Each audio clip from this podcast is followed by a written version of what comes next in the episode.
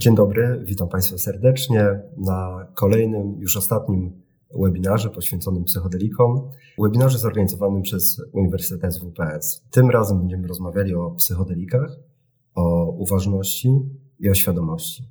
Ja nazywam się Norbert Jamrus, a ze mną jest dziś Anastazja Ruben, neurokognitywistka, doktorantka Szkoły Doktorskiej Nauk Humanistycznych i Społecznych w dyscyplinie psychologia na Uniwersytecie SWPS. Nastia, witam Cię serdecznie w strefie psyche Uniwersytetu SWPS. Dzień dobry, cześć. Witam również Państwa, naszych, naszych słuchaczy.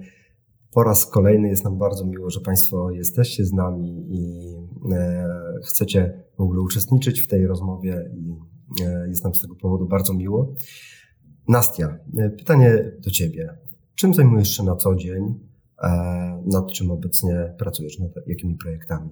E, obecnie pracujemy nad projektem, który niedawno zaczęliśmy, e, nad badaniem użytkowników, którzy zażywają substancje psychodeliczne. To jest projekt robiony przez trzy zespoły, zespół z Uniwersytetu SUPS, z Instytutu Nęckiego oraz Uniwersytetu Jagiellońskiego i to jest taki duży projekt. Na razie wystartowaliśmy z online'ową częścią badania, ale oczywiście mamy w planach pomiary neuronaukowe, czyli EEG i e, fMRI. E, oraz też planujemy prowadzić badania w tym, w tym samym zestawieniu nad osobami, którzy praktykują medytację.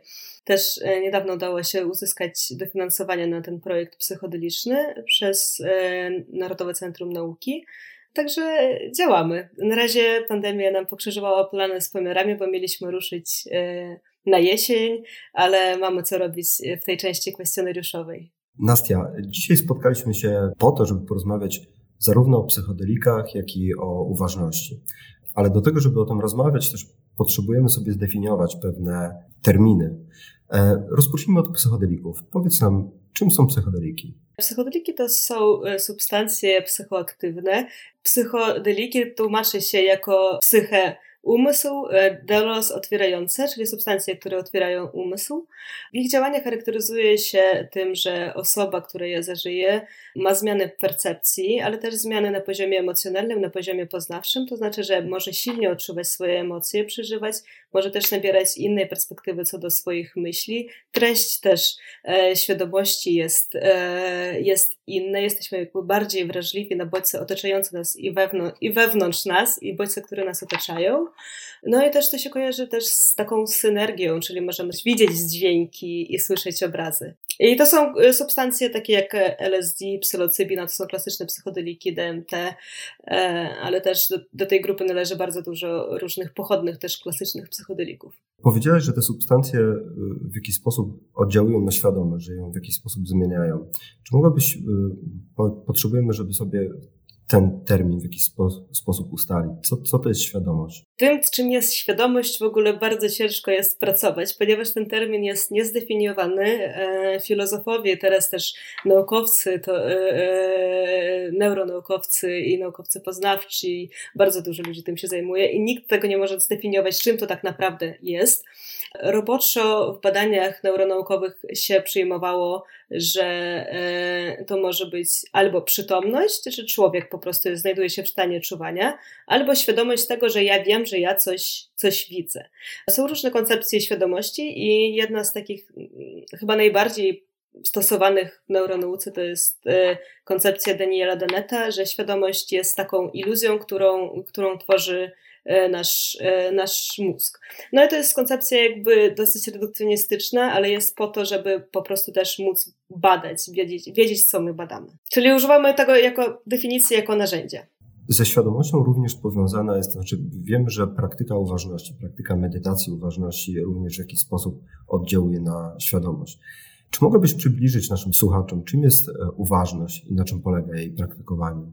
Uważność y, to jest też może być albo cecha, albo jakaś y, umiejętność, którą możemy sobie wykształcić i polega na tym, na umiejętności nieoceniającego obserwowania y, swoich myśli, swoich emocji, swoich doznań z ciała, tego, co też się odbywa na zewnątrz, albo też takich prosty, prostych bodźców dotykowych. W jaki sposób możemy praktykować uważność? Są różne, różne techniki. W ogóle uważność jest jakby częścią praktyki medytacyjnej, bo w zależności od tradycji medytacji są różne składowe tej praktyki, więc to jest taki mały skrawek tego, co tak naprawdę daje medytację, e, ale jest takim podstawowym narzędziem. Więc i możemy to praktykować też w zależności od tradycji, skupiając się na oddechu albo e, skupiając się na doznaniach, na przykład pod, pod nosem, tuż pod nosem jakieś takie przepływ powietrza, albo skupiając się na doznaniach płynących w ciele, albo też poprzez wizualizację, poprzez mantrę. E, tych technik dojścia do jakby do ciszenia uważności jest bardzo dużo, ale to są takie główne. Jesteś neurokognitywistką, e, więc e, chciałbym, żebyśmy teraz się przyjrzeli bardziej tej perspektywie, w jaki sposób psychodeliki i medytacja mogą na, na, na mózg. Co, co mówią badania na ten temat? E, z psychodelikami jest e, chyba łatwiej niż z medytacją, ponieważ e, medytacja jest bardzo zróżnicowanym zjawiskiem. Jak powiedziałam, jest mnóstwo tradycji, każda się skupia na jakimś osobnym jakby aspekcie, jakiejś części takich praktyk w ogóle uważnościowych i w zależności od tego też mogą wychodzić różne badania, też ciężko zbadać ile człowiek praktykuje dobrać te grupy jakoś, więc te wyniki, które dostajemy w badaniach medytacyjnych są bardzo zróżnicowane. To, co możemy zaobserwować, to, co jest wspólnego z psychodelikami, to jest e, wpływ na e, tak zwaną sieć stanu domyślnego, w języku angielskim, mm, literaturze angielskiej Default Mode Network, też w polskich tłumaczeniach to jest sieć stanu spoczynkowego, e, różne są tłumaczenia tego. I widzimy w niektórych badaniach, że aktywność tej sieci podczas medytacji może troszkę się obniżać. Ta sieć w ogóle, też tego nie powiedziałam, jest aktywna, kiedy nie mamy żadnych jakby bodźców na zewnątrz. Możemy po prostu zamknąć oczy, się położyć i sobie myśleć no, o różnych rzeczach, o czym się zazwyczaj myśli, jak, jak, jak się e, nie ma na, na, na czym uwagi skupić. E, I to są myśli o przyszłości, przeszłości, głównie myśli odnoszące się do ja. E, albo o tym, jak inni postrzegają mnie. Więc e, w nauce się przyjmuje, że sieć stanu domyślnego to jest taka sieć, która wytwarza nasze poczucie e, ja. Jest w tym kluczowa dosyć. Także obniżenie jej aktywności może wiązać się z tym, że, że możemy mieć mniej na przykład myśli związanych z ja, albo możemy być bardziej zdestensowani od tych myśli. Też można zwrócić jeszcze uwagę na to, że sieć stanu domyślnego to jest zestaw struktur w mózgu, których aktywność jest ze sobą skorelowana, które się aktywnie ze sobą komunikują, można tak powiedzieć. I to, co widzimy w badaniach nad medytacją, to to, że połączenie między tymi strukturami czyli korelacje ich aktywności, ich komunikacje zmieniają się. Wyniki są zróżnicowane, bo w niektórych e, badaniach wychodzi, że te połączenia są silniejsze, w niektórych wychodzi, że te połączenia są słabsze. No i to interpretują oczywiście w zależności od intencji badacza. E, do tego próbują dobrać, jakby tak naprawdę nie wiemy, co to oznacza, ale coś tam się zmienia, mówimy w poczuciu ja. To jest jeden z takich aspektów. E, teraz wymieniam głównie to, co jest podobne do psychodelików, więc też później, później przejdę do psychodelików. Jeszcze to, coś, to, co jest e, ciekawe, to pojawiło się tylko w jednym badaniu, z tego co mi wiadomo na razie, to, e, to że medytacja wpływa na taką konkurencją między strukturami, które biorą udział jakby w tym, żeby angażować się E, w działania ze światem zewnętrznym, czyli reagować na jakieś bodźce, skupiać uwagę, pracować e, nad jakimiś powiedzmy obliczeniami, e, a strukturami właśnie odpowiadającymi za ja. E, te struktury zazwyczaj są ze sobą ujemnie skorelowane, czyli jak jedno jest aktywne, to drugie nie jest aktywne. Natomiast to, co widzimy w trakcie medytacji, to akurat dotyczyło mm, medytacji niedualistycznej, czyli tam, gdzie dążymy jakby e, do tego, żeby znieść rozumienia, że na przykład to jest złe, a to jest dobre. No i to, co widzimy w trakcie tej medytacji, to to, że te struktury przestają być tak tak bardzo ze sobą konkurować. Interpretacja tego jest taka, że zanika jakby takie silne zróżnicowanie między światem zewnętrznym a światem wewnętrznym. Też to, co widzimy na przykład w stanach mistycznych, to, że nam się wydaje, że jesteśmy całością e, i łączymy się jakby z innymi ludźmi, z naturą, tego rodzaju doświadczenia. Też to widzimy na przykład e, pod wpływem substancji psychodelicznych. Też to, e, ale znowu, znowuż mówię o jednym badaniu. Nie wiadomo, jak to będzie e, też później, bo psychodeliczna nauka jest dosyć młoda i na razie te wyniki, które się pojawiają, to nie są wyniki, które często się replikują, więc ciężko powiedzieć, czy to był po prostu artefakt, czy tak faktycznie jest. W każdym razie to jest ciekawy kierunek, moim zdaniem. No i właśnie, z siecią stanu domyślnego to, co widzimy w psychodelikach, to to, że jej aktywność również się obniża, podobnie jak w medytacji i też zmienia się, zmieniają się połączenia między strukturami, które są zaangażowane w wytwarzanie tego, mm, tego ja. No i jeszcze jedna taka ważna rzecz, o której e, e, e, chciałabym wspomnieć, czy ważna, też ciekawy kierunek znowuż badań, bo e, ciężko mówić, że to jest coś, coś ustalonego albo jakiś konsensus naukowy wobec tego, e, ale to, że zarówno psychodeliki, jak i niektóre rodzaje medytacji, na przykład e, vipassana, e, zmieniają funkcjonowanie mózgu w ten sposób, że jego aktywność staje się mniej przewidywalna, czyli E, stany, w których przebywa mózg, połączenie między komórkami, powiedzmy, czy, e, czy amplituda oscylacji, e, czyli takich wyładowań jednoczesnych komórek, staje się mniej przewidywana. I to jest bardziej zróżnicowana.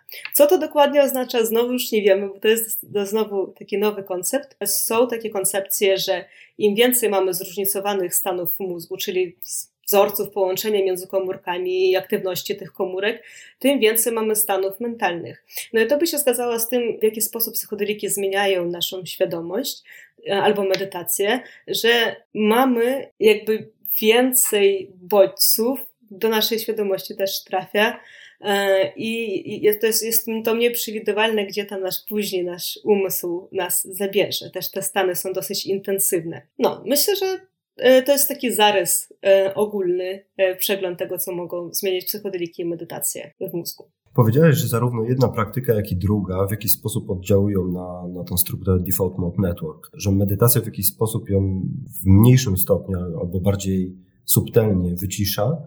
Psychodeliki robią to zdecydowanie szybciej, intensywniej. To znaczy, nie było takiego badania, które pokaza- porównałoby, jak to wygląda, więc ciężko powiedzieć, że, że, że, bardziej to się odbywa. Ale są, są takie jakby wskazówki, że, że zarówno jedno, jak i drugo obniżają aktywność tej sieci. Ten spadek aktywności Default Mode Network bardzo często jest e, w jakiś sposób e, wiązany ze stanami, e, stanami mistycznymi albo z doświadczeniami, niektórzy nazywają to doświadczenie rozpadłego. Czy mogłabyś coś więcej powiedzieć na, na temat tego fenomenu? Rozpadłego to jest e, doświadczenie, które może mieć różne walencje, też natężenie, może być pozytywne, może być negatywne. W pozytywnym rozpadzie ja mówimy o właśnie połączeniu się ze wszechświatem, w takim poczuciu tego, że należymy do czegoś większego niż my sami. To też jest ważna część mistycznego doświadczenia, ale też jest e, negatywne doświadczenie, rozpuszczenie ego, które może odczuwać się jako, jako przeżywanie własnej śmierci, albo też czasem na przykład śmierci całej cywilizacji, to do tego, e, do tego stopniu, stopnia może się rozpad, rozrastać. E, I no są, takie, są, są takie wskazówki, że właśnie takie zmiany w komunikacji między głównymi węzłami e, sieci stanu domyślnego, co to odpowiadają, E, I to są wyniki, które są najbardziej replikowalne w tych badaniach nad psychodelikami, ale też te zmiany możemy zobaczyć na przykład po podaniu le leków antydepresyjnych, które również oddziałują na neuroprzekaźnik serotonina, podobnie jak psychodeliki, także to komplikuje interpretację tych wyników. E, aczkolwiek to, e, to, się jakby kręci wokół, wokół, na razie e, literatura kręci się wokół tych zmian w sieci stanu domyślnego. Jakie to ma e, implikacje kliniczne? To znaczy, w jaki sposób to e, przekłada się na, na pomoc jakimś no, osobom, które cierpią na jakieś e, problemy psychiczne?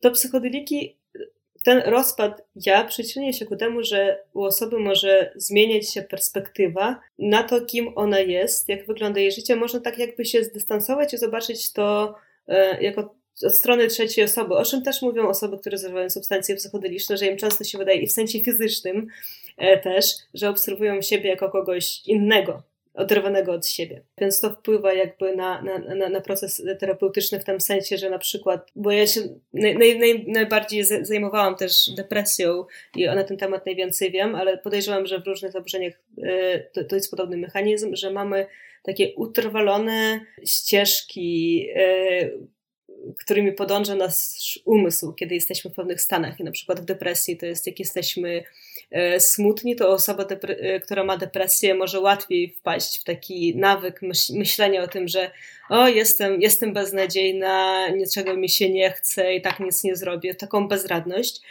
Bezradność i też takie natrętne, negatywne myśli na własny temat. No i takie doświadczenie rozpuszczenia ja w jakiś sposób może to e, kalibrować, czyli że możemy wytwarzać jakby nowa przestrzeń w takim sensie psychologicznym, no to żeby utworzyć sobie jakieś nowe narzędzia myślenia o sobie, wypracować nowe ścieżki myślenia o sobie.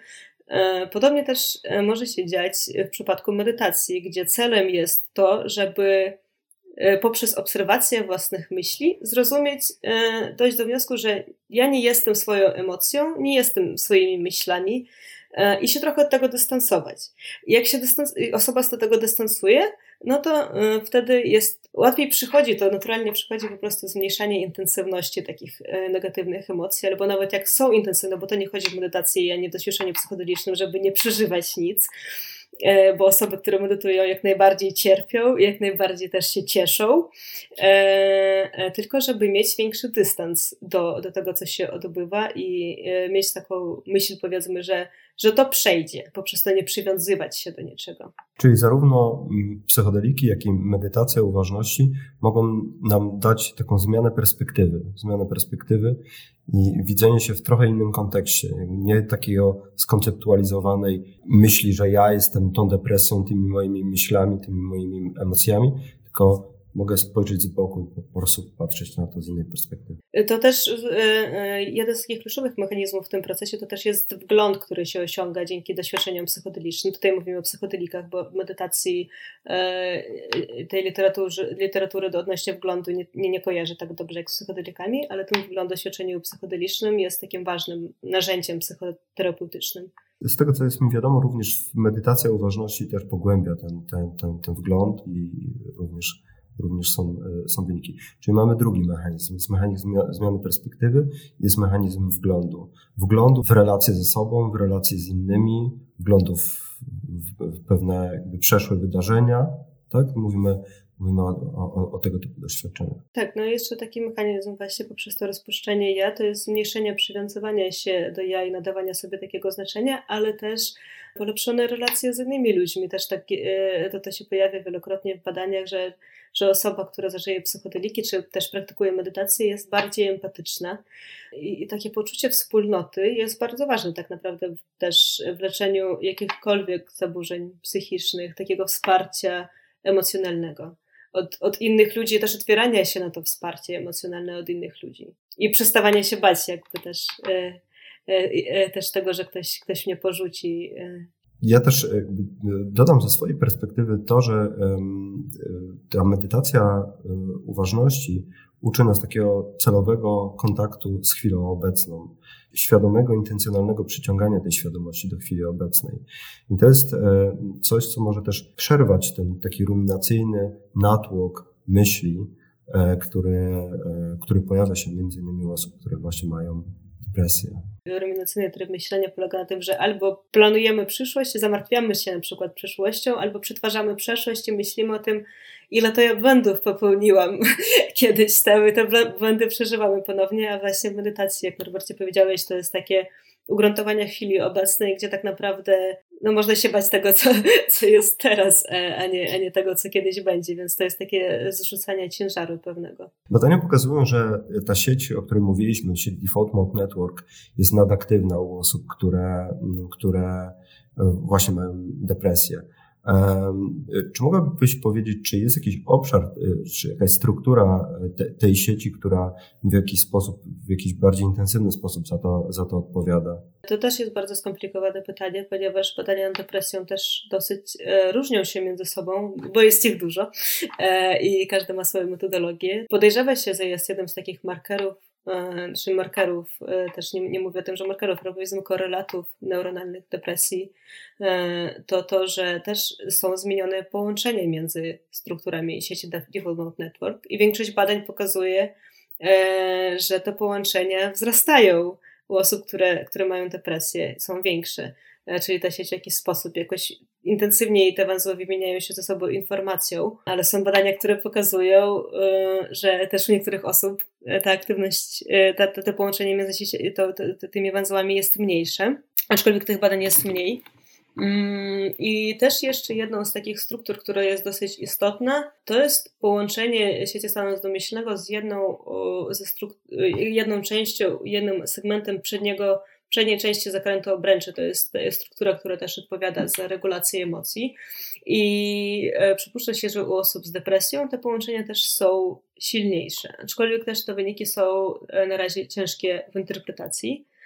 Myślę, że też w depresji to nie jest tylko kwestia E, sieci stanu domyślnego, ale też powiedzmy na przykład ciała amygdałowatego. Jest to struktura, która mm, odpowiada za lękowe reakcje, za strach i za agresję.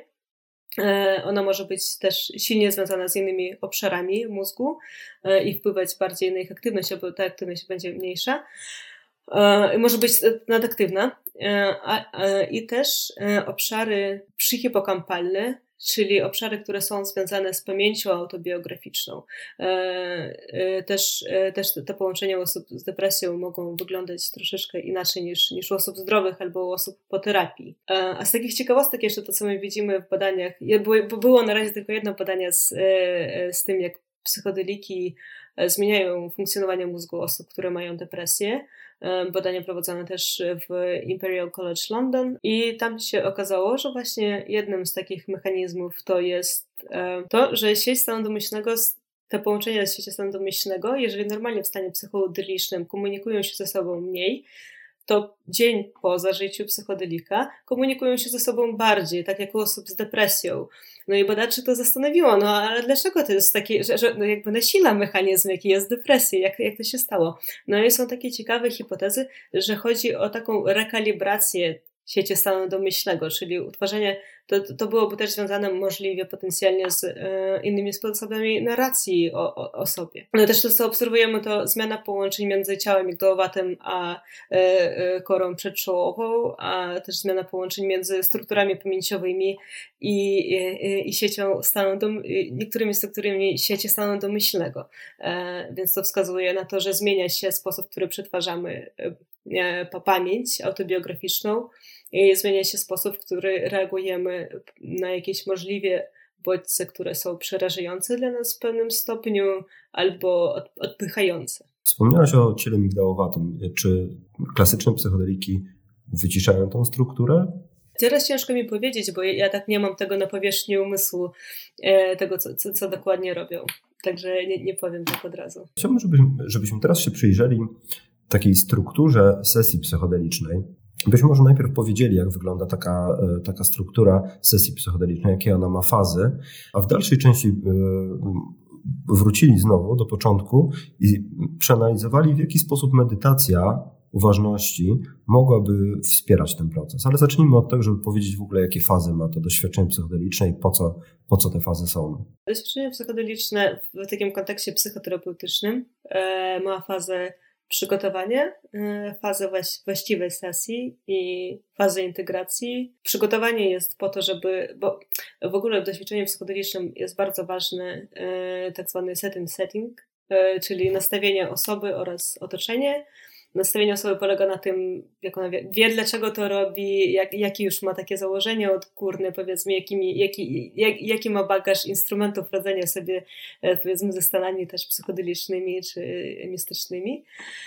E, I w tej fazie przygotowania osoba przygotowująca, bo to może być też psychoterapeuta, psychoterapeutka albo szaman czy szamanka, albo też osoba, która po prostu prowadzi drugą osobę przez, przez podróż e, psychodeliczną, jakby edukuje na temat tego, czym jest doświadczenie psychodeliczne, czego można się spodziewać, w jaki sposób go w ogóle e, przeżywać, tak żeby to dało jak najwięcej rezultatów, czyli e, albo jak, jak najmniej lęku, bo też doświadczenie psychodeliczne to jest często może być związane z dużym niepokojem i utratą kontroli, e, więc osoby się przygotowują to, czego ona może się spodziewać i też daje się takie na przykład narzędzie e, uczenie się odpuszczania tego, co się dzieje i też taka narracja, że że to jest e, substancja, że tutaj jest ważne odpuścić kontrolę i że to działanie substancji w pewnym momencie się skończy, więc pozwól się wydarzyć temu, co powinno się wydarzyć e, i to przeżyj.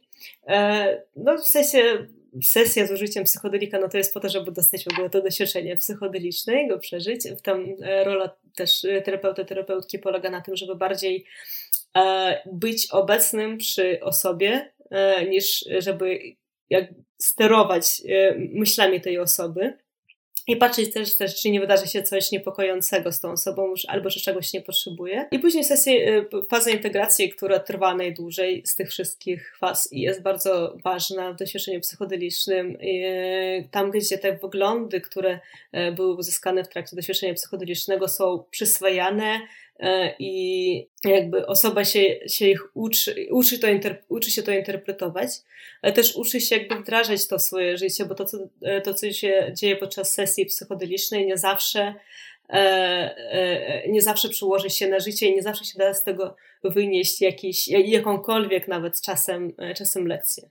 Przyjrzyjmy się teraz jeszcze raz tym trzem fazom, ale z takiej perspektywy, jak medytacja mogłaby wspierać każdą z tych, z tych faz? To w fazie przygotowania, to co wiemy, to ona uczy osobę takiej nauki odpuszczania e, która jest ważna w psychodelikach, e, albo też takiego powrotu do oddechu, bo to też e, uspokaja czasem, że, że nawet jak osoba się boi, że umiera, to wciąż może zauważyć, że okej, okay, oddycham. I że to jest tak, takie trochę ugruntowujące, że, że, że wiemy, że, stajemy, że dostajemy taką ziemię mentalną e, pod mentalnymi nogami. Też badania pokazują, że, że osoby, które, które medytują, będą przeżywały później mniej, mniej lęku w trakcie, mogą przeżywać mniej lęku w trakcie e, sesji psychodelicznej, bo są na to bardziej jakby e, przygotowane. No i też to przygotowuje ku temu, ogólnie cała narracja medytacyjna niektórych medytacyjnych tradycji, tego, że powinniśmy odpuścić ego i, i tak, taka filozofia w ogóle około buddyjska, powiedzmy, która nie, nie musi zawsze, medytacja nie zawsze musi się wiązać buddy, buddyzmem, ale to jest bardzo mocny przekaz. To, że to ego jest też pewną iluzją, którą możemy pozwolić sobie odpuścić. I zarówno w przeżyciach medytacyjnych, jak i psychodelicznych chodzi o to, żeby czasem odpuszczać e, to przywiązanie do ja. W trakcie sesji właśnie, tak jak powiedziałam, medytacja może być e, pomocna w tym, żeby jakby powrócić e, z jakiegoś stanu, stanu rynkowego, albo bardziej też go przeżyć świadomie. No i w sesji integracji medytacja też może odgrywać, a w, w ogóle odnośnie jeszcze sesji, sesji z użyciem psychodelików i medytacji, to badania z chyba 19 roku Śmigielskiego, i, on jest w zespole takiego słynnego badacza psychodelików Franza Follenweidera w Szwajcarii. Oni tam w ogóle zrobili taki eksperyment, że na e, takim medytacyjnym kursie, który przychodziły doświadczeni medytatorzy, e, na jednym z, na jednym z dni, z dni medytacyjnych podali tym osobom psylocybinę, części osób podali psylocybinę, części osób placebo.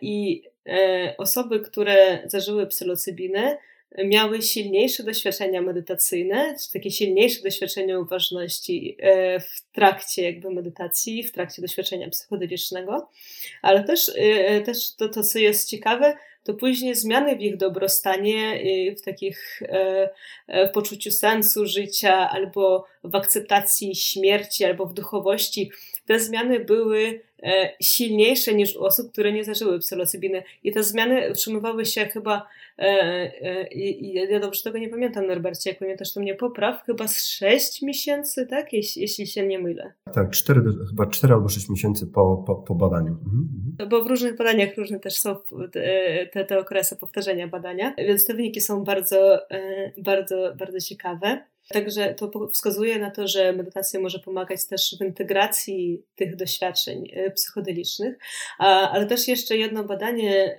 e, było prowadzone w John Hopkins Institute przez zespół Griffitha i tam to akurat polegało na tym, że w trakcie przygotowania do sesji osób badanych było uczono albo przechodzić przez jakiś takie, taki rozwój duchowy, czyli praktyka medytacji, prowadzenia dzienniczków, spędzania czasu w naturze e, i, i też było takie wsparcie psychoterapeutyczne nakierowane właśnie na ten aspekt e, e, medytacyjno-duchowy powiedzmy, a też był, była grupa kontrolna, w której to wsparcie duchowe polegało na tym, że komuś tam dawali książeczki tutaj, o poczytaj sobie o duchowości.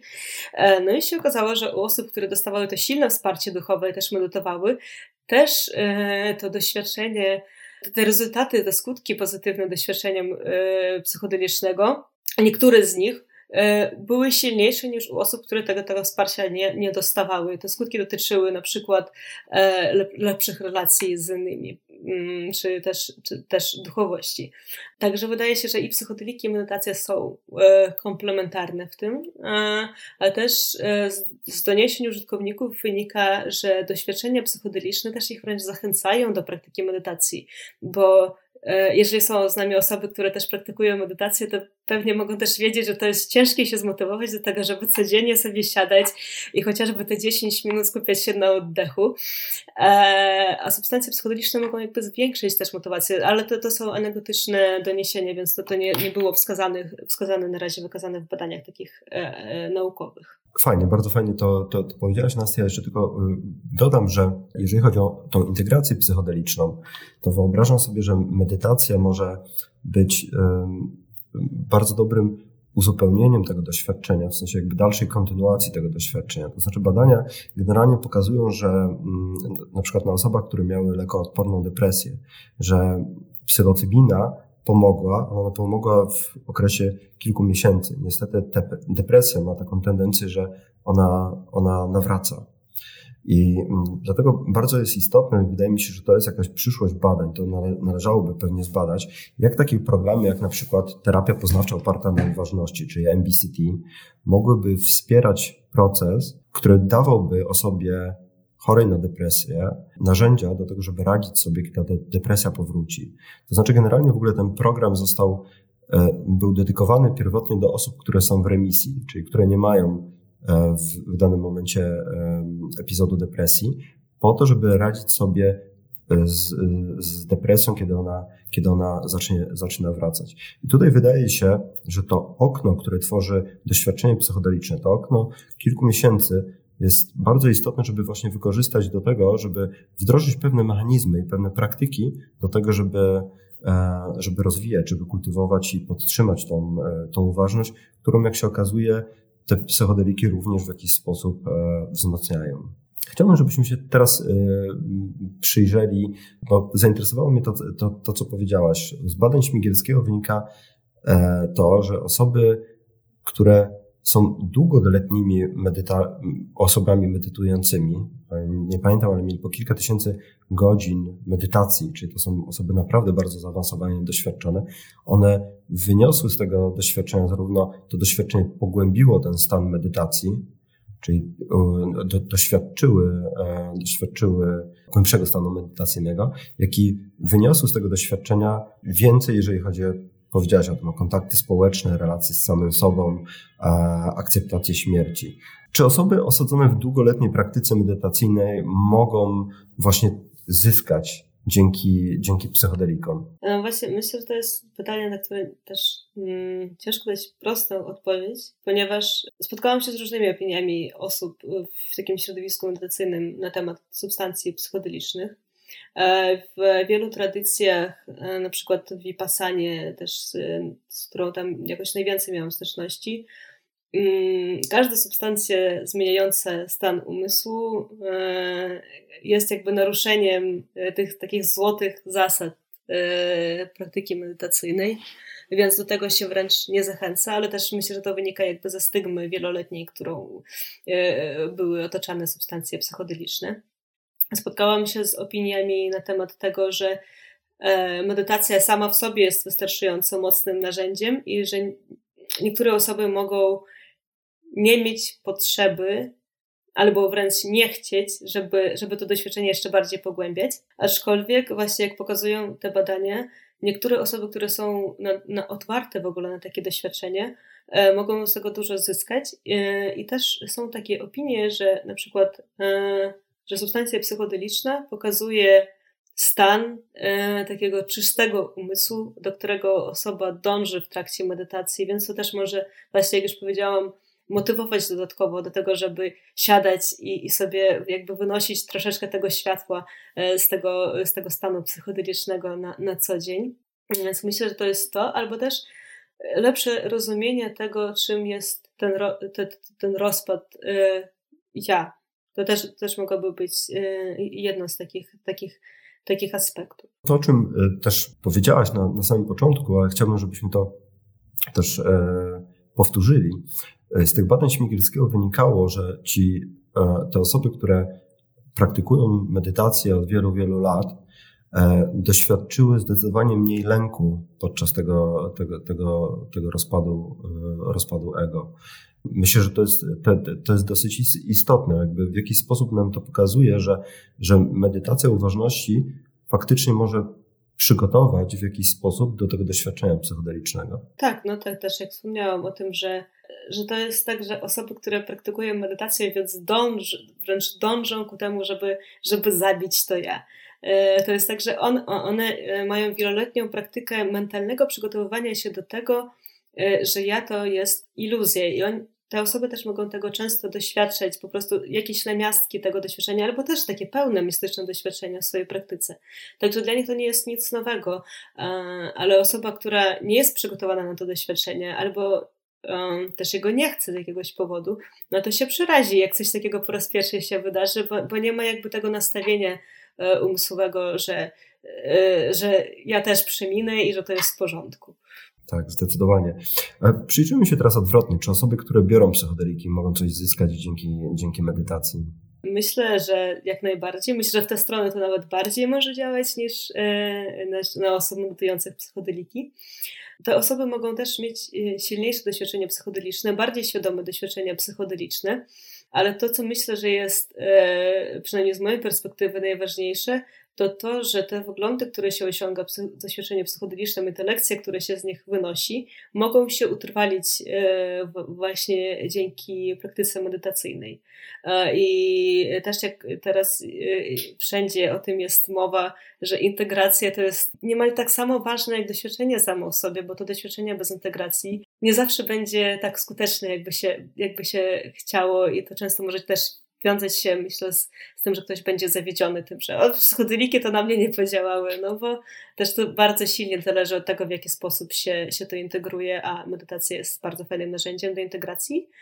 No i też takich ze względów bezpieczeństwa może, e, to e, można powiedzieć, że, że, że, właśnie dzięki praktyce medytacji, też jak, jak, już o tym gadaliśmy, mówiliśmy, e, że ten lęk może być mniejszy i, i też jakby łatwiej przychodzi takie odpuszczanie swoich emocji, swoich uczuć i też doświadczenie psychodeliczne może po prostu być głębsze.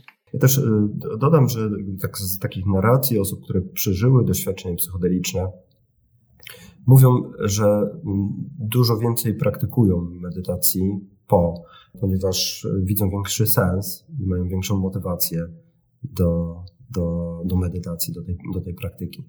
Także to, to być może jakiś kolejny element, być może element, który można by w jakiś sposób naukowo również zbadać, jak, jak to się dzieje. Ja chciałbym zapytać jeszcze o tą kwestię tego rozpadu ego. Czy wiadomo, wiadomo jest, dlaczego niektóre osoby przeżywają piękne, mistyczne doświadczenia podczas, podczas tego doświadczenia psychodelicznego, a niektóre osoby tak ciężko przechodzą te stany i one powodują aż tak, tak, trudne, tak trudne doświadczenia. Czy to w jakiś sposób jest w badaniach? Szczerze, to ja od, ten temat nic badawczo jakby nie czytałam. Czytałam tylko o tym też znowuż badania Griffitha, bo e, e, jeżeli chodzi o badania nad psychodelikami, to e, bardzo dużo tego zrobił. I właśnie oni tam badali ciężkie doświadczenia psychodeliczne, tak, tak zwane potoczne bad tripy, ale też trochę od tego określenia się odchodzi, bo też te złe tripy tak zwane są często pożyteczne, więc lepiej mówić trudne przeżycie psychodeliczne. E, I na to, że ktoś miał takie trudne, negatywne przeżycie, e, wpływało, wpływał w większym stopniu nieodpowiedni, nie, nieodpowiednie nastawienie i otoczenie. To jest ważne. albo też nie, nieobecność osoby, która, która mogłaby poprowadzić tę sesję, bo to też, nawet jeżeli ktoś ma takie stany silnego lęku, to ta druga osoba e, może sporo zrobić w tym, żeby ograniczyć jakby ten czas negatywnego doświadczenia, a w ogóle czas negatywnego doświadczenia też korelował z tym, że ktoś później będzie miał takie dłuższe negatywne skutki e, tego doświadczenia psychodelicznego. E, no w ogóle tak, to, to, to co jeszcze tak trochę z dygresji dodać odnośnie tego badania Griffitha, bo jest bardzo ciekawe, mm, to to, że nawet te osoby, które miały te trudne doświadczenia, to około 80% z tych osób, a to była próbka ponad tysiąc osób, e, co prawda badanie internetowe, no ale zawsze lepiej to niż nic, to powiedziała, powiedziała że E, że to doświadczenie było dla nich bardzo znaczące e, i też e, w jakiś sposób zmieniło ich sposób funkcjonowania i że jakby cieszą się, że to tak czy siak te osoby zrobiły. Czyli pomimo tego, że to doświadczenie było trudne, wymagające, być może nieraz traumatyczne, to i tak w, te, w jakiś sposób doceniają i w jakiś sposób to życie również zmieniło, wpłynęło na, na, na, na ich życie. Brzmi mi trochę jak wzrost potraumatyczny. Jest takie zjawisko w, w psychologii, zresztą dobrze przebadane, e, wzrostu potraumatycznego, którym osoba, która doświadcza jakiegoś trudnego wydarzenia, nieraz to jest choroba terminalna, nieraz to jest śmierć bliskiej osoby, doświadcza dużego przewartościowania w swoim życiu. Być może właśnie to zetknięcie się, powiedziałeś, że to często jest odczuwane jak własna śmierć, e, to, to doświadczenie rozpadu, rozpadłego, albo nawet śmierć, śmierć, nie wiem, cywilizacji. Tak, wtedy też może często przeżyć to, to co, zobaczyć y, wyraźnie co jest tak naprawdę ważne w tym życiu, co się w tym wszystkim liczy i to jest cenna lekcja, którą wynoszą osoby po doświadczeniach psychodelicznych. Mi się kojarzy w ogóle z psychoterapią egzystencjalną, gdzie e, fokus na śmierć jest, e, jest, jest bardzo duży. Zresztą Grof, e, badacz psychodelików też podkreśla to, że to doświadczenie psychodeliczne to jest doświadczenie śmierci, odrodzenia, a że bardzo często ta treść tego doświadczenia to jest śmierć przeżywania własnej, własnej śmierci. Być może właśnie ta konfrontacja z własną śmiertelnością w jakiś sposób wnosi coś do naszego życia, tak, że to, to, to wzbogaca to życie. W jakiś sposób to, co powiedziałeś, mówi co ważne, co istotne. Chciałbym, już troszeczkę o to zahaczyliśmy, ale chciałbym, żebyśmy teraz przeszli na ryzyka związane z e, psychodelikami. Jakie, w ogóle jakie mogą być konsekwencje? Już powiedzieliśmy troszeczkę o tym, że to jest set and setting, e, że nieobecność osoby, na to wpływa pewnie, pewnie dawka, również, również jest tutaj znacząca.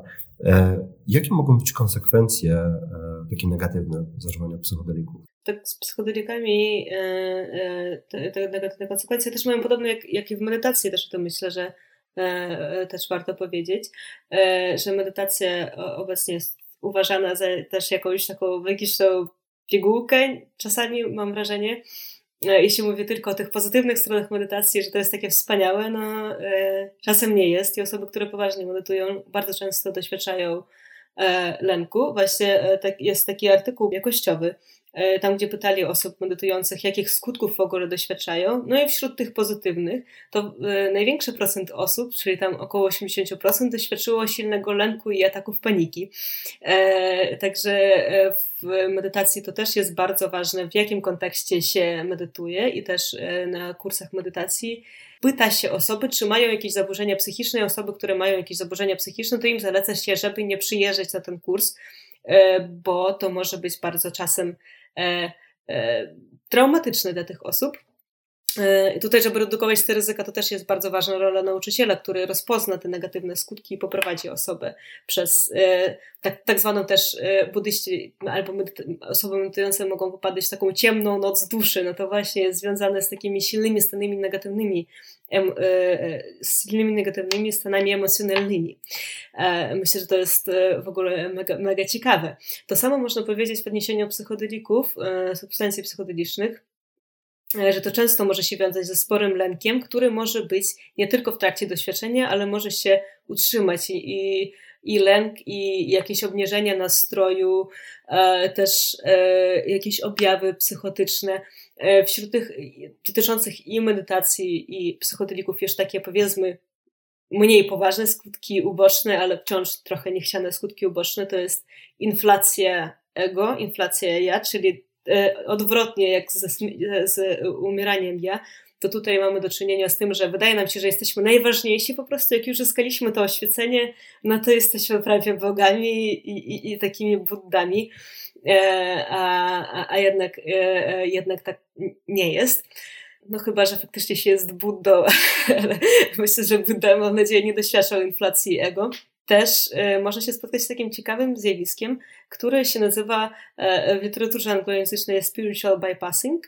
Nie znam ładnego tłumaczenia na polski, roboczo to tłumaczę jako takie duchowe unikanie, czyli to, że doświadczenia psychodeliczne albo tam mistyczne i medytacyjne dają nam zestaw narzędzi pojęciowych, takich jak na przykład przekonanie na własny temat, że jestem osobą dobrą, osobą empatyczną, u mnie wszystko jest dobrze e, e, i e, niczego już nie potrzebuję i się oświeciłem. Często to może wiązać się z tym, że osoba, która czegoś takiego doświadcza i zyska nagle te wszystkie narzędzia pojęciowe, to może wpaść w pułapkę tego, że y, zacznie wykorzystywać te narzędzia po to, żeby wypierać jakieś emocje. I też albo w przypadku empatii dawać się innym osobom e, się wykorzystać, e, czy się skrzywdzić. I to jest dosyć może być uciążliwe do tej osoby. Też, też mamy do czynienia z, e, z takim mm, zjawiskiem jak pojawienie się, to też nazywa się delusional beliefs, czyli takie nieprawdziwe wierzenie, że jakieś wierzenia na temat świata, które nie odnoszą się do rzeczywistości. I oczywiście każda osoba ma prawo do swoich przekonań. I jeżeli te przekonania tej osobie, ale nikomu w otoczeniu też nie, krzywdzą, e, nie krzywdzą, a tak jest e, też w literaturze, też niedawno zaczął się w ogóle pojawiać ten wątek tych złudzeń takich poznawczych. Jeżeli ktoś opiera swój model rzeczywistości na czymś niestabilnym wysoce i czymś, co poddając się weryfikacji się rozpada, no to to może prowadzić też pewny e, dyskomfort psychiczny. Także tych ryzyk jest całkiem, całkiem sporo e, i też osoby medytujące albo doświadczające stanów psychodelicznych z ogromnym prawdopodobieństwem, nieważne jak dobrze medytujemy, czy jak, jak dobrych e, mamy otoczenie i nastawienie, e, to ktoś tego prędzej czy później może e, doświadczyć. I to jest normalne, ale też są techniki, które pozwalają tego e, troszeczkę to redukować, troszeczkę to unikać i wa warto też być świadomym tego, że, e, że takie rzeczy mogą się wydarzyć.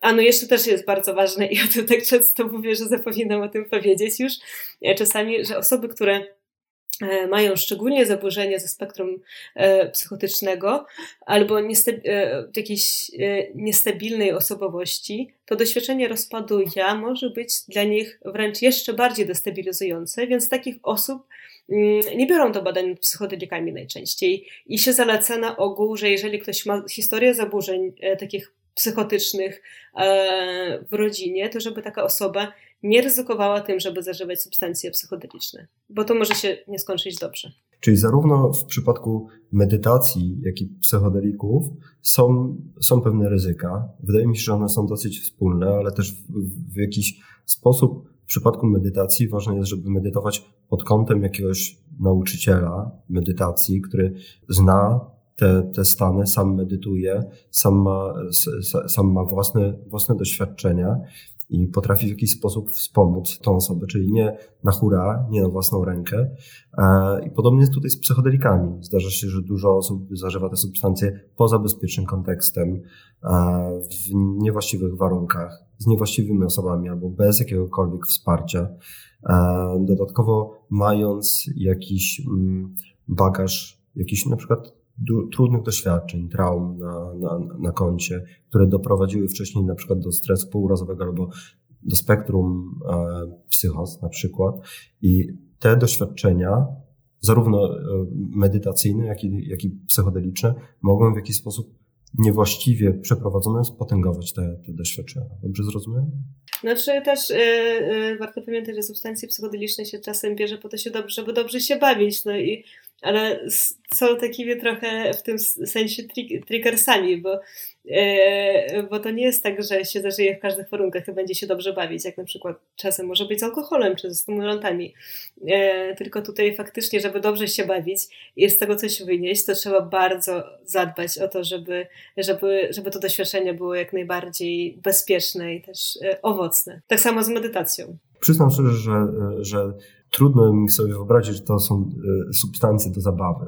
No mają po prostu, to są tak głębokie doświadczenia, e, że po prostu sobie jakby nie wyobrażam tego przeżywania w kontekście, w kontekście imprezowym. Tak jak sobie nie wyobrażam medytacji w kontekście imprezowym. Tak. Zależy też, jak ten kontekst imprezowy dokładnie wygląda, bo czasem to są też motywy na imprezach, pojawiają się w zależności od imprezy, związane z takim E, z taką tribalizmem, trochę e, ciężko mi było wybrać słowo po polsku, to z taką przeżyciem plemiennym. I to jest też, e, pojawia się w takich, jak gdzie jest muzyka rytmiczna, gdzie ludzie też tańczą i wyglądają jak aborygeni.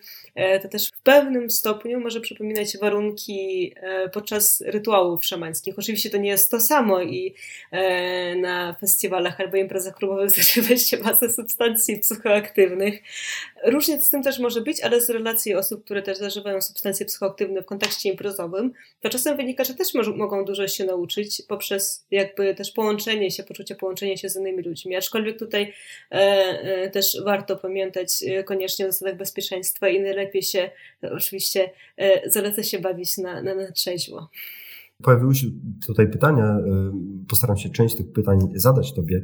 E, jest jedno z pytań takich, czy brak odpuszczenia i lęk podczas sesji mogą prowadzić do niebezpiecznych sytuacji. Tak, to jest y, no, niebezpiecznych sytuacji. Znaczy, niebezpieczna sytuacja to może być to, że ktoś chce się zabić, bo czasem zdarzają się takie sytuacje jak najbardziej, albo ktoś chce się skrzywdzić e, i to wynika z tego, e, że poprzez, tego, że poprzez to, że ktoś się boi odpuścić, to głębiej się wkręca w negatywny stan i próbując od niego uciec, jego nasila. A silny negatywny stan pod wpływem substancji psychodelicznych może doprowadzać do negatywnych e, skutków też takiej krzywdy fizycznej, e, e, chociaż, chociaż to bardzo rzadkie. Jest też takie pytanie, wydaje mi się, że bardzo ciekawe. Czy wyniesienie wniosków z takiego doświadczenia psychodelicznego jest kwestią chęci, zaangażowania, czasu, czy pracy nad sobą? Co determinuje to, że, że ktoś wynosi jakieś pozytywne dla życia wnioski.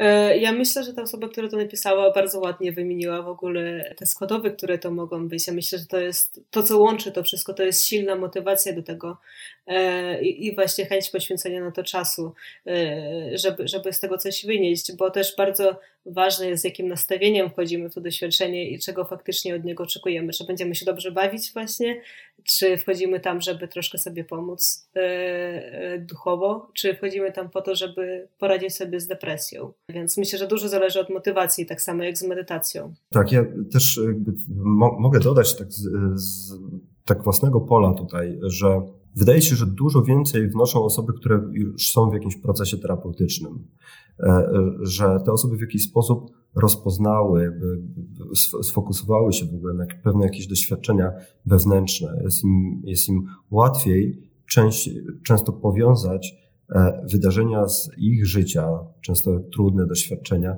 z tym, co pojawia się w trakcie tej sesji, sesji psychodelicznej.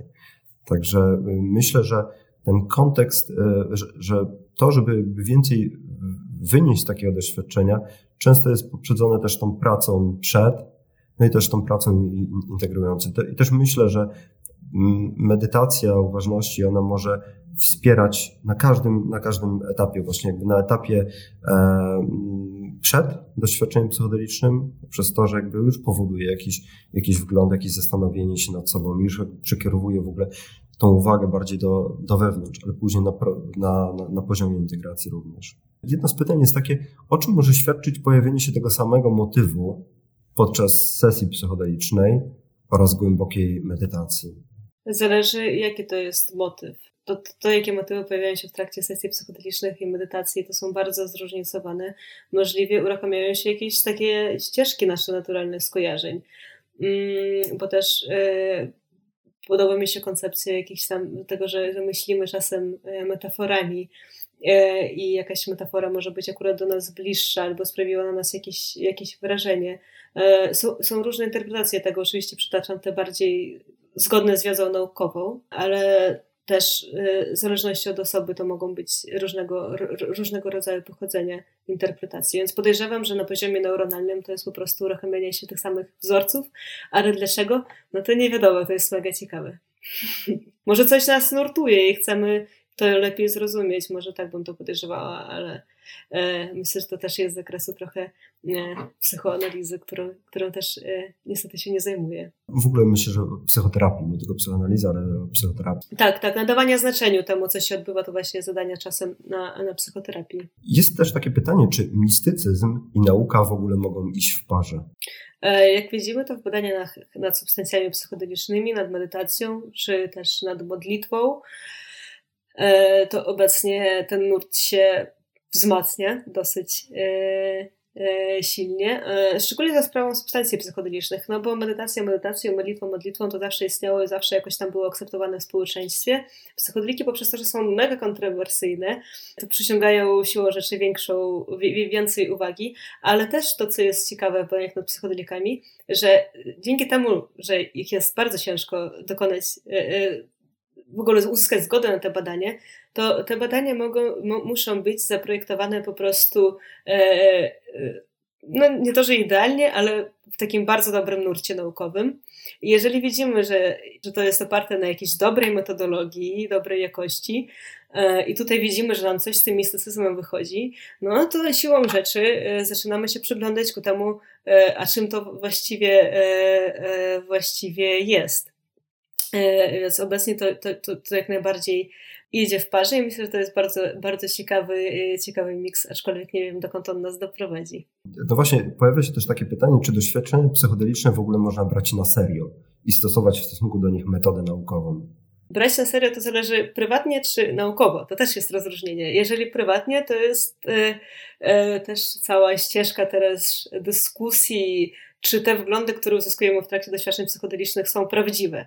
Nie ma na to pytania prostej odpowiedzi. E, zajmują się tym e, psychoterapeuci, psychoterapeutki, też w zależności znowuż od osoby i podejścia, szamani, szamanki, e, różnego rodzaju jakby przewodzicieli tą ścieżką psychodeliczną. Także myślę, że to dla każdego ten proces wychodzi gdzieś tam na jaw. Niektóre wglądy mogą być prawdziwe, niektóre warto odbierać na serio, niektóre mogą być płodem naszej wyobraźni, która jest bardzo bujna e, i mogą nie być na serio, ciężko jest odróżnić pierwsze i drugie. A w sensie naukowym e, można je brać na serio, biorą ich na serio e, wiele, wiele badaczy, takich badaczy też dosyć powiedzmy, którzy wiedzą, co robią i mają w pewnym sensie ścisłe umysły, w innym sensie otwarte umysły, w końcu psychodeliki, według, chyba David Nato tym powiedział, że substancje psychodeliczne albo jeszcze wcześniej Humphrey Osmond, e, taki psychiatra, który był zaangażowany w te badania nad psychodelikami powiedzmy od samego początku, jeszcze chyba od lat 50. to była osoba, która wysłała Huxleyowi jego meskelinę pierwszą, to on e, zauważył, że poprzez zmianę chemicznego składu mózgu, czy tam nawet jakąś zmianę neurofizjologiczną, widzimy wpływ na nasze stany psychiczne, więc on zaczął podejrzewać, że aha, no to może depresja też jest związana z, ty, z tym naruszeniem. To jest duże uproszczenie bilansu chemicznego, to oznacza, e, że innymi proporcjami neuroprzekaźników, e, innym sposobem też neuroprzekaźnictwa i aktywności komórkowej, więc że ta aktywność mózgowa jest jakoś tam związana z emocjonalnymi stanami, więc jak najbardziej to się odbiera na poważnie i z tego wynosi wnioski, które na dłuższą metę mogą coś wnosić do nauki. Tak samo jak to się bierze na poważnie przy kwestiach tego, e, czym jest ja. I, i też psychodeliki są uważane za jedną z takich ścieżek do tego, żeby zrozumieć, jak mózg w ogóle wytwarza e, pojęcie ja, tak samo jak medytację. Jedno z pytań dotyczy tego, jakie mogą być konsekwencje częstego zażywania psychodelików, na przykład przez rok. To zależy, co oznacza częstego zażywania psychodelików. No właśnie, no jakby no nie jest to sprecyzowane, ale jakby czy są właśnie jakieś, jakieś na przykład badania, które pokazują, że nadużywanie tych substancji jakie, jakieś, jakieś konsekwencje, do jakichś konsekwencji prowadzi? Badań na ten temat nie kojarzę. Mm, wiem, że najczęściej jak się da zażywać psychodeliki tak, żeby, e, żeby to dalej działało, to jest raz w tygodniu. E, jedną z osób, która tak robiła, to był Timothy Leary e, i Timothy Leary miał dosyć ciekawą wizję świata i przekonanie na temat świata i był troszeczkę wariatem, ale też, też bardzo inteligentnym człowiekiem. I myślę, że to w pewny sposób dla niektórych osób, no już nie dla wszystkich, może trochę derealizować, ale to nie zawsze jest złe w każdym kontekście, bo jeżeli mówimy o kontekście naszej zachodniej kultury, no to tak może to być złe, ale że, jeżeli mówimy o szamanizmie w południowej Ameryce, może tam to będzie dobrze, bo to, dobre, bo to będzie pomagało jakby sprawnie funkcjonować w świecie, w którym żyją szamani i, i, i ludy południowoamerykańskie, i no, no właśnie, często konteksty zażywania to też e, wiąże się często z, z ayahuaską. I badania nie na temat ayahuaski, ale akurat meskaliny pokazują, że osoby, które często zażywają meskaliny w rytualnym kontekście, nie funkcjonują gorzej niż osoby zdrowe. Ale myślę, że też dużo zależy od otoczenia, w którym funkcjonują, bo osoby, które przyjeżdżają właśnie po doświadczeniach e, z,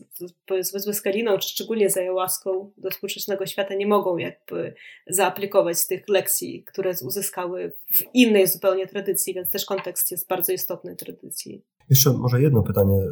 Czy doświadczenia traumatyczne nie mają wpływu na kontekst doświadczenia psy, psychodelicznego? Myślę, że mogą mieć takie doświadczenie, bo cokolwiek, co przeżywamy z jakąś mocą, co nas nurtuje, będzie miało wpływ na doświadczenie psychodeliczne. I całkiem możliwe, że się ujawnią w trakcie doświadczenia psychodelicznego z większą mocą, e, ale też będziemy możliwe, że, że osoba, która przeżywa y, doświadczenie psychodeliczne, będzie podchodziła do tego trochę w innym kontekście. To też jest używane, że są, są y, mm, hipotezy, że, że y, substancje psychodeliczne mogą właśnie pomóc w leczeniu e, e, zespołu stresu pourazowego, tak jak jest w przypadku MDMA. Tam wręcz e, psychoterapeuta czy psychoterapeutka zachęca osobę do tego, żeby ona sobie o tym przypomniała. Tak, dokładnie. No, to mi się też, też tutaj nasuwa kontekst badań klinicznych i to, że wiele osób w ogóle podczas tego doświadczenia przypomina sobie tą traumę. Na przykład ta trauma w jakiś sposób jest zapomniana, wyparta. I podczas tego doświadczenia dochodzi do konfrontacji y, z, z tą traumą, do przypomnienia sobie jej, ale przy odpowiednim procesie terapeutycznym można właśnie dobrze z tym pracować. Być może właśnie to skonfrontowanie się, to dojście do, do tej traumy może pozwolić później uwolnić się od pewnych symptomów depresji, lęku e, u, u, u tej osoby. Także tu znowu mamy do czynienia z zupełnie innym mechanizmem niż współczesne leki psychiatryczne, czyli one nie tłumią, ale raczej pokazują zawartość tego umysłu. No i w tym umyśle również mogą być, mogą być przeszłe traumy. Dobrze, to jeszcze moje pytanie na koniec, e, Nastia, do, do, do Ciebie.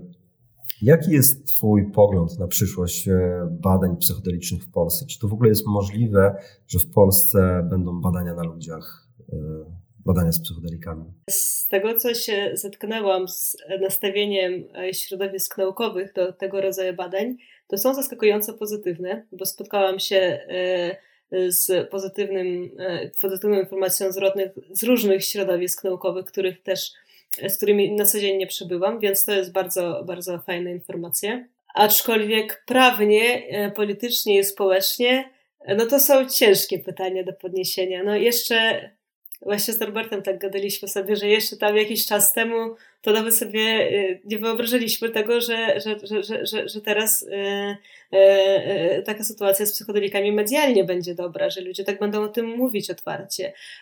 Ale przeżywamy renesans i niewykluczone, że za 5, 10, 15, 20 lat kiedyś te badania mogą zacząć się w Polsce, ale to jest kwestia po pierwsze przekonania środowisk niektórych naukowych i też finansowania niestety, e, bo ubezpieczenia dla osób, którym podajemy jakąkolwiek substancję psychoaktywną, no, psychodeliczną są kosmicznie drogie e, koszty tego ubezpieczenia.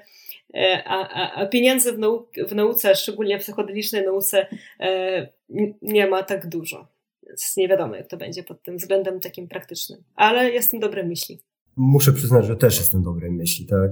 Dokładnie to, co powiedziałaś. Jeszcze kilka lat temu e, w ogóle ciężko by było sobie wyobrazić, że będziemy rozmawiać w ramach strefy psycha Uniwersytetu SWPS na temat psychodelików, ponieważ to, to był naprawdę bardzo, bardzo trudny temat. Większość osób, z którymi miałem przyjemność na ten temat rozmawiać, mówią, zapomnij, to, to, to w ogóle zawsze będzie nielegalne i to będzie zawsze bardzo trudny temat. A dziś widzimy, że wiele osób stara się od, od, otworzyć na te, na, na te substancje i myślę, że taka właśnie zrównoważona rozmowa na temat e, ryzyka, ale też szans związanych z psychodelikami może nas e, do tego, do tego przybliżyć. Okej, okay, Nastia, bardzo Ci dziękuję.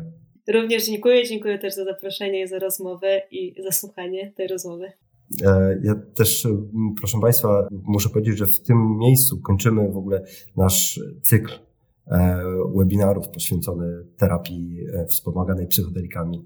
I chciałbym bardzo serdecznie podziękować przede wszystkim pracownikom Uniwersytetu SWPS, którzy w ogóle wyszli z tą inicjatywą i wykazali się no dosyć dużą odwagą do podjęcia tego niełatwego tematu. E, w szczególności dla e, pani Marty Jakubczak, która e, była inicjatorką i, i wspierała też mnie tutaj w, w tym projekcie. Też bardzo dziękuję pani Marcie Szablewskiej i panu Michałowi Wróblowi, którzy obsługują technicznie te webinary. Chciałbym też podziękować moim wszystkim rozmówcom, Maciejowi Lorencowi, pani profesor E, Gołębiowskiej, Eli Fidler i tobie, Nastia, za to, że no, w taki profesjonalny sposób wnieśliście dużo wiedzy do tej, e, do tej przestrzeni. I chciałbym też podziękować wszystkim Państwu za to, że byliście tutaj z nami, za to, że zadawaliście naprawdę fajne i dobre, e, merytoryczne pytania, które bardzo wzbogaciły te webinary. Chciałbym jeszcze dodać jakieś kilka słów od, od, od siebie na koniec, że przede wszystkim mam nadzieję, że ten cały cykl webinarów przyczyni się do wzrostu bezpieczeństwa związanego z mm, psychodelikami. Te substancje mają swoje, swoje ryzyka i myślę, że trzeba o nich dużo mówić. I mam nadzieję, że to wybrzmiało tutaj podczas e, tej serii webinarów. Mam nadzieję, że wybrzmiało również to, że te substancje mają bardzo dużo potencjału w sobie. Jeżeli zadbamy o to, żeby zająć się nimi z takim należytym szacunkiem i poświęcimy energię na, na badania, mam nadzieję, że te substancje przyczynią się do tego, żeby po prostu pomóc e, wielu osobom, wielu osobom, które potrzebują tego, ponieważ po prostu cierpią z różnego powodu. Także jeszcze raz bardzo dziękuję Nastia, dziękuję Państwu, dziękuję serdecznie i mam nadzieję do zobaczenia.